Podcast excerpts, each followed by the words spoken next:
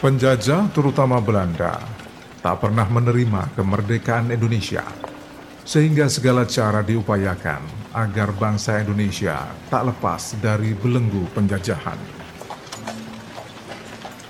Pola-pola kekejaman dan kolonialisme selalu mewarnai Belanda dalam menjajah dan melanggar aturan hak dasar manusia.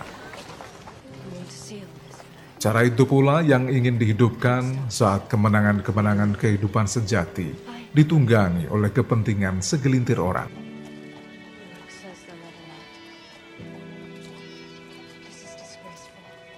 Mr. Syafruddin Prawira Negara harus diakui merupakan salah satu tokoh di balik tetap berdirinya Republik Indonesia pada masa awal kemerdekaan.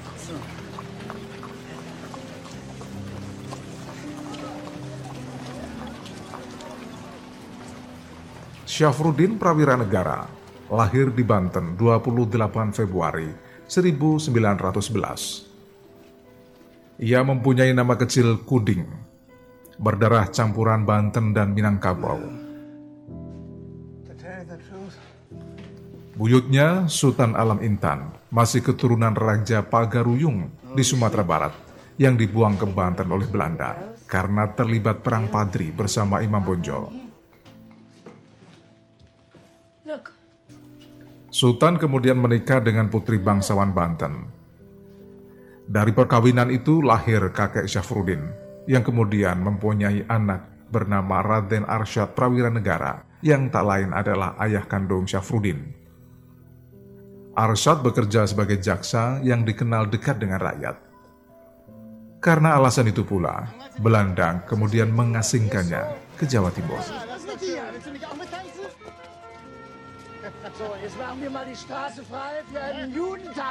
Sejak kecil, Kuding senang membaca kisah petualangan. Dan ia bercita-cita suatu saat bisa menjadi orang besar. Itu sebabnya setamat dari sekolah Belanda AMS di Bandung, Kuding lalu pindah ke Jakarta untuk melanjutkan studinya di Sekolah Tinggi Hukum, tepatnya di tahun 1939.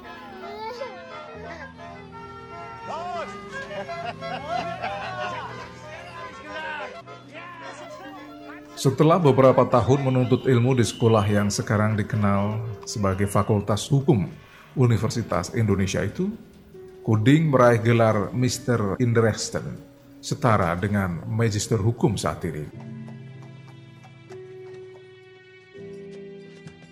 Sekitar tahun 1940, saat pemerintah Belanda masih menguasai Indonesia, Kuding atau Syafruddin bekerja sebagai pegawai siaran radio swasta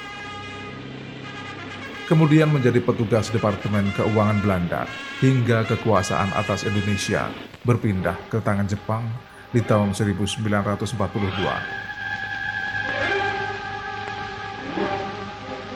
Tanggal 8 bulan 12 tahun 2601 ialah waktu Dai Nippon yang sudah ratusan tahun tinggal sabar terhadap ancaman Amerika Inggris mengangkat senjata untuk memperbaiki nasib bangsa Asia Timur Raya.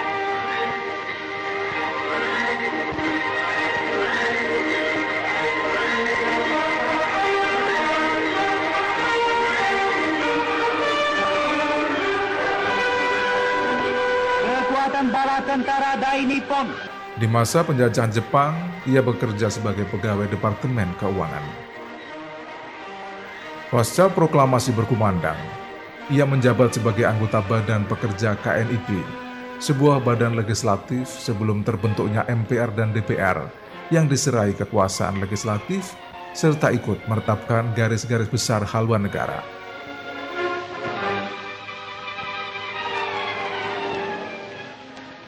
Empat tahun kemudian, Syafruddin masuk dalam jajaran kabinet sebagai wakil Perdana Menteri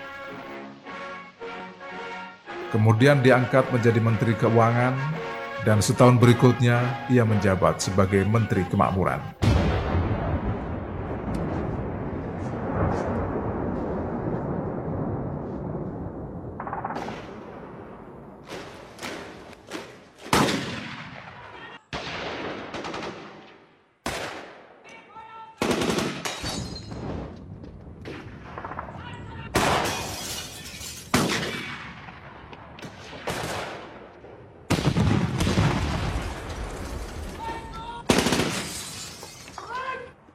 19 Desember 1948, Belanda melancarkan agresi militer kedua yang diawali dengan serangan ke ibu kota Republik Indonesia saat itu, Yogyakarta. Pada waktu itu, Presiden Soekarno dan Wakil Presiden Muhammad Hatta ditangkap lalu diasingkan ke Pulau Bangka.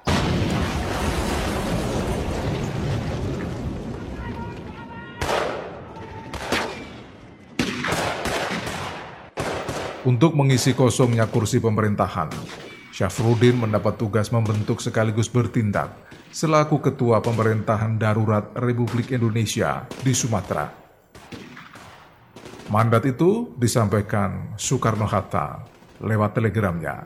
Kami Presiden Republik Indonesia memberitakan bahwa pada hari Minggu tanggal 19 September 1948 jam 6 pagi, Belanda telah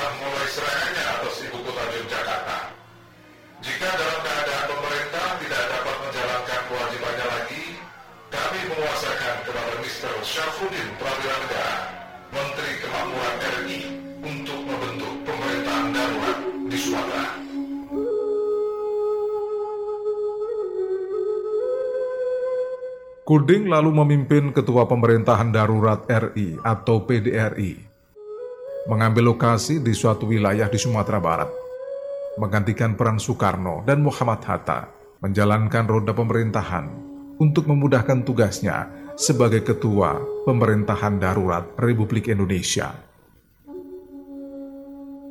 Untuk memudahkan tugasnya, Syafruddin Prawira Negara membentuk kabinet yang terdiri dari beberapa menteri. Meski jabatan yang disandangnya ketika itu adalah Ketua PDRI, namun kedudukannya sama dengan Presiden. Sulitnya sistem komunikasi saat itu menyebabkan telegram yang disampaikan Bung Karno tidak sampai ke Bukit Tinggi.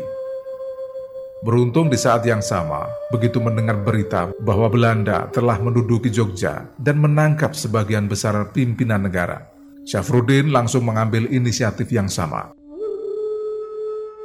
Ia kemudian mengusulkan pembentukan suatu pemerintah darurat atau emergency government dalam rapat di sebuah rumah di dekat Ngare Sianok, Bukit Tinggi, tanggal 19 Desember 1948 telah meminta saya secara personal buat mengumpulkan beberapa anggota ke dalam rapat kecil ini.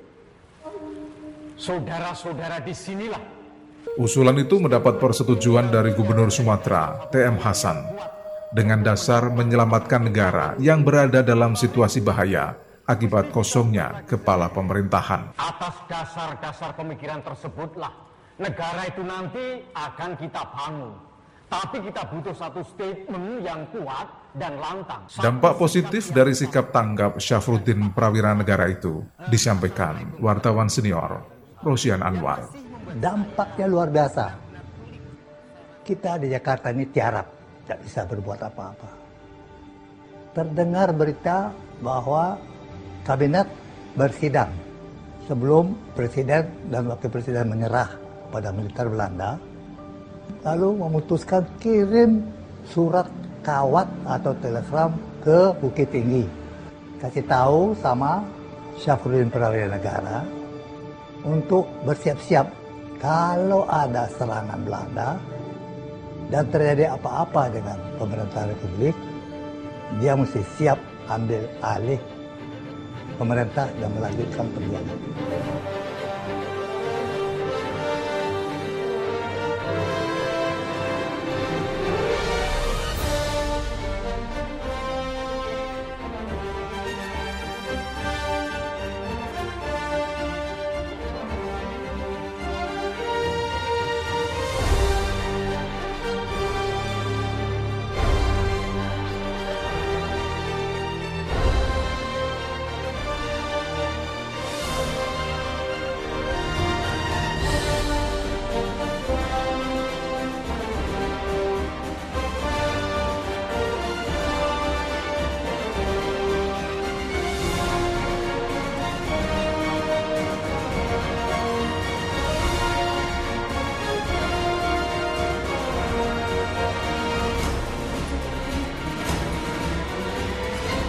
Pemerintah Darurat Republik Indonesia di bawah komando Syafruddin Prawira Negara terus melakukan berbagai upaya agar para pemimpin bangsa yang ditangkap Belanda segera dibebaskan. Usahanya membuahkan hasil, di mana Belanda akhirnya terpaksa berunding dengan Indonesia. Bukankah Islam sudah menjadi bagian penting dari bangsa ini? Upaya Belanda untuk kembali menancapkan kekuasaannya di tanah air akhirnya berakhir ditandai dengan perjanjian Rumroyen. Soekarno-Hatta dan kawan-kawan akhirnya dibebaskan dan kembali ke pusat pemerintahan di Yogyakarta.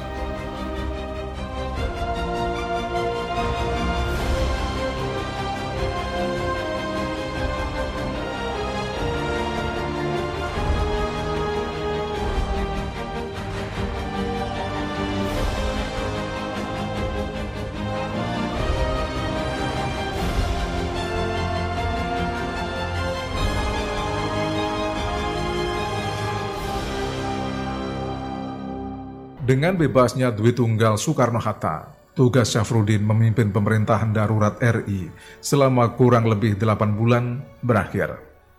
13 Juli 1949 di Yogyakarta, ia menyerahkan mandatnya pada Presiden Soekarno. Serah terima pengembalian mandat dari PDRI secara resmi dilakukan pada 14 Juli di Jakarta.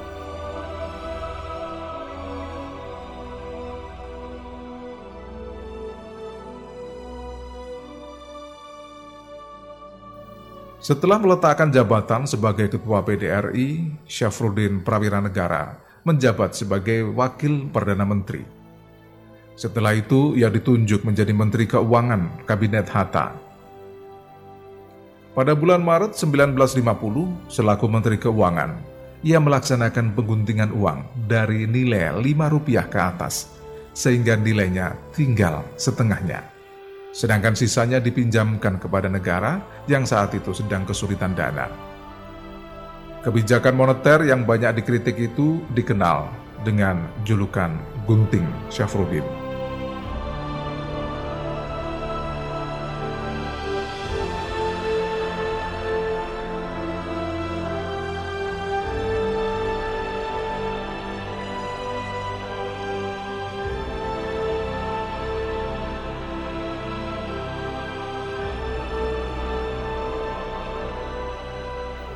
Tak hanya rakyat Indonesia yang merasakan tajamnya gunting Syafruddin.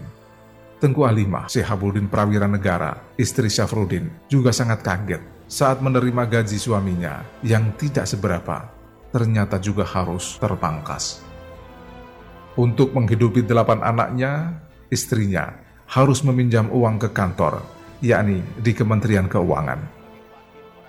Semakin lama hutangnya terus menumpuk dan baru dilunasi saat Syafruddin menjabat Direktur The Javas Bank setahun kemudian. The Javas Bank akhirnya dirubah menjadi Bank Sentral Indonesia dan Syafruddin diangkat menjadi gubernur. Perjuangan menuju negara Indonesia yang baru itu nanti bukan merupakan suatu perjuangan agama, tapi sesuatu yang menunjukkan welfare sound bangsa ini sesuatu di luar agama. Seiring berjalannya pemerintahan Presiden Soekarno, banyak peristiwa dan ketimpangan sosial yang terjadi. Ditambah pengaruh komunis, terutama PKI, yang semakin kuat. Keadaan itu akhirnya memunculkan gerakan dari berbagai kalangan yang merasa tidak puas. Tak terkecuali Syafruddin Prawira Negara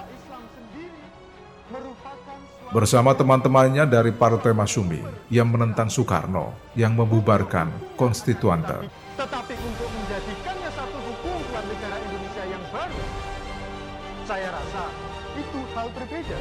Mesti ada sistem baru Februari 1958, gerakan pertentangan antara pemerintah daerah dengan pemerintah pusat terus berlanjut ditandai dengan berdirinya pasukan revolusioner Republik Indonesia PRRI. Syafruddin kemudian diangkat menjadi presiden PRRI yang berbasis di Sumatera Tengah.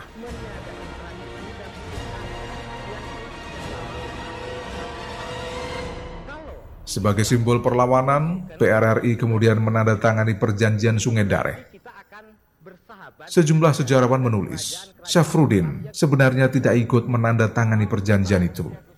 Namun karena tanggung jawabnya sebagai Presiden PRRI, jadilah ia dan keluarganya mengalami hidup sebagai pemberontak.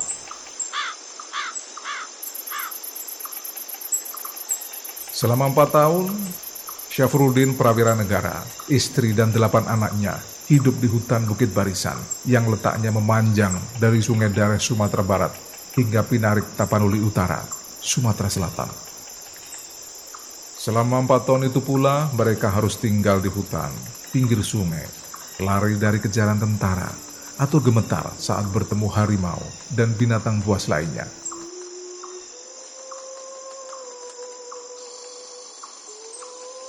Agustus 1958, perlawanan PRRI dinyatakan berakhir dan pemerintah pusat di Jakarta kembali menguasai wilayah-wilayah yang sebelumnya bergabung dengan PRRI.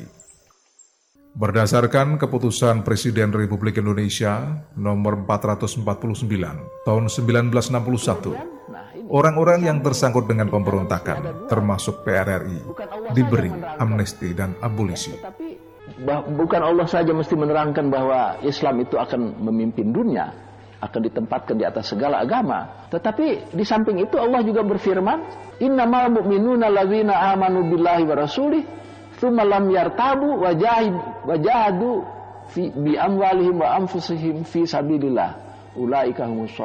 Setelah tak lagi terlibat dalam pemerintahan, Syafruddin Prawira Negara memilih medan dakwah sebagai tempat pengabdiannya dengan mempertaruhkan harta dan jiwanya pada jalan Allah ya, mereka itulah orang yang benar namun selama berkiprah sebagai mubalik ia berkali-kali dilarang naik mimbar karena ceramahnya dinilai terlalu keras oleh pemerintah. Kalau sudah tahu bahwa ini Islam akan memimpin dunia, siapa yang akan menjalankannya kalau bukan kita, kaum muslimin? Dan kalau kita memang muslim dan mukmin, kita tidak ragu-ragu untuk berjihad. Apa jihad itu? Melaksanakan apa yang diperintahkan Allah. Hendaknya Islam itu memimpin dunia. Bahkan pada bulan Juni 1985, ia sempat diperiksa aparat. Sehubungan dengan isi khotbahnya pada Hari Raya Idul Fitri 1404 Hijriah di Masjid Al-A'raf, Tanjung Priuk. Menurut politisi senior AM Fatwa, sikap pemerintah saat itu seperti tak lagi menghargai jasa Syafruddin Prawira Negara. Kalau kita mengingat pesan Bung Karno bahwa hanya bangsa yang menghargai pahlawan-pahlawannya bisa menjadi bangsa yang besar, seyogianya kita harus berdamai dengan sejarah. Apa pun peristiwa-peristiwa masa lalu itu memang semuanya harus dicatat, tetapi secara objektif jasa-jasa tokoh-tokoh yang pernah menorehkan peristiwa-peristiwa penting untuk menyelamatkan republik ini haruslah diberikan penghargaan yang wajar. Selain aktif dalam syiar Islam, Syafruddin juga giat dalam berbagai kegiatan yang berkaitan dengan pendidikan. Ia pernah menjabat sebagai Ketua Korps Mubalik Indonesia KMI menjadi anggota Dewan Pengawas Yayasan Pendidikan dan Pembangunan Manajemen, anggota pengurus Yayasan Al-Azhar dan Yayasan Pesantren Islam. Tak hanya itu, ia juga menulis puluhan buku. Karya Safrudin berupa karangan-karangan hasil pidato, ceramah ataupun khutbah. Ceramahnya kebanyakan bertema filsafat, pandangan hidup, logika, peranan akal dengan selalu berlandaskan iman kepada Allah Subhanahu wa taala ia bahkan sempat menyusun buku sejarah moneter dibantu sahabatnya, Hui Bengto. Buku-buku karya Syafruddin Prawira Negara sangat kental dengan nuansa Islamic worldview, sehingga mampu menginspirasi pembacanya. Sumbangan pemikirannya dikenal sangat unik dan orisinil, sehingga memberikan gambaran ke depan. Menurut sebagian dari pembacanya, buku-buku Syafruddin seakan terbit di zaman modern, bahkan di masa yang akan datang. Meskipun berstatus sebagai mantan pejabat negara yang membela kedaulatan tanah air, Syafruddin Prawira Negara melalui masa tuanya dengan hidup sangat sederhana. Ia bahkan menolak rumah pemberian dari Bung Karno. Alasannya, tak mau menerima sesuatu yang dibayar dari pajak rakyatnya. Syafruddin Prawira Negara wafat saat berumur 77 tahun pada 15 Februari 1989. Jenazahnya dikebumikan di TPU Tanah Kusir, Jakarta.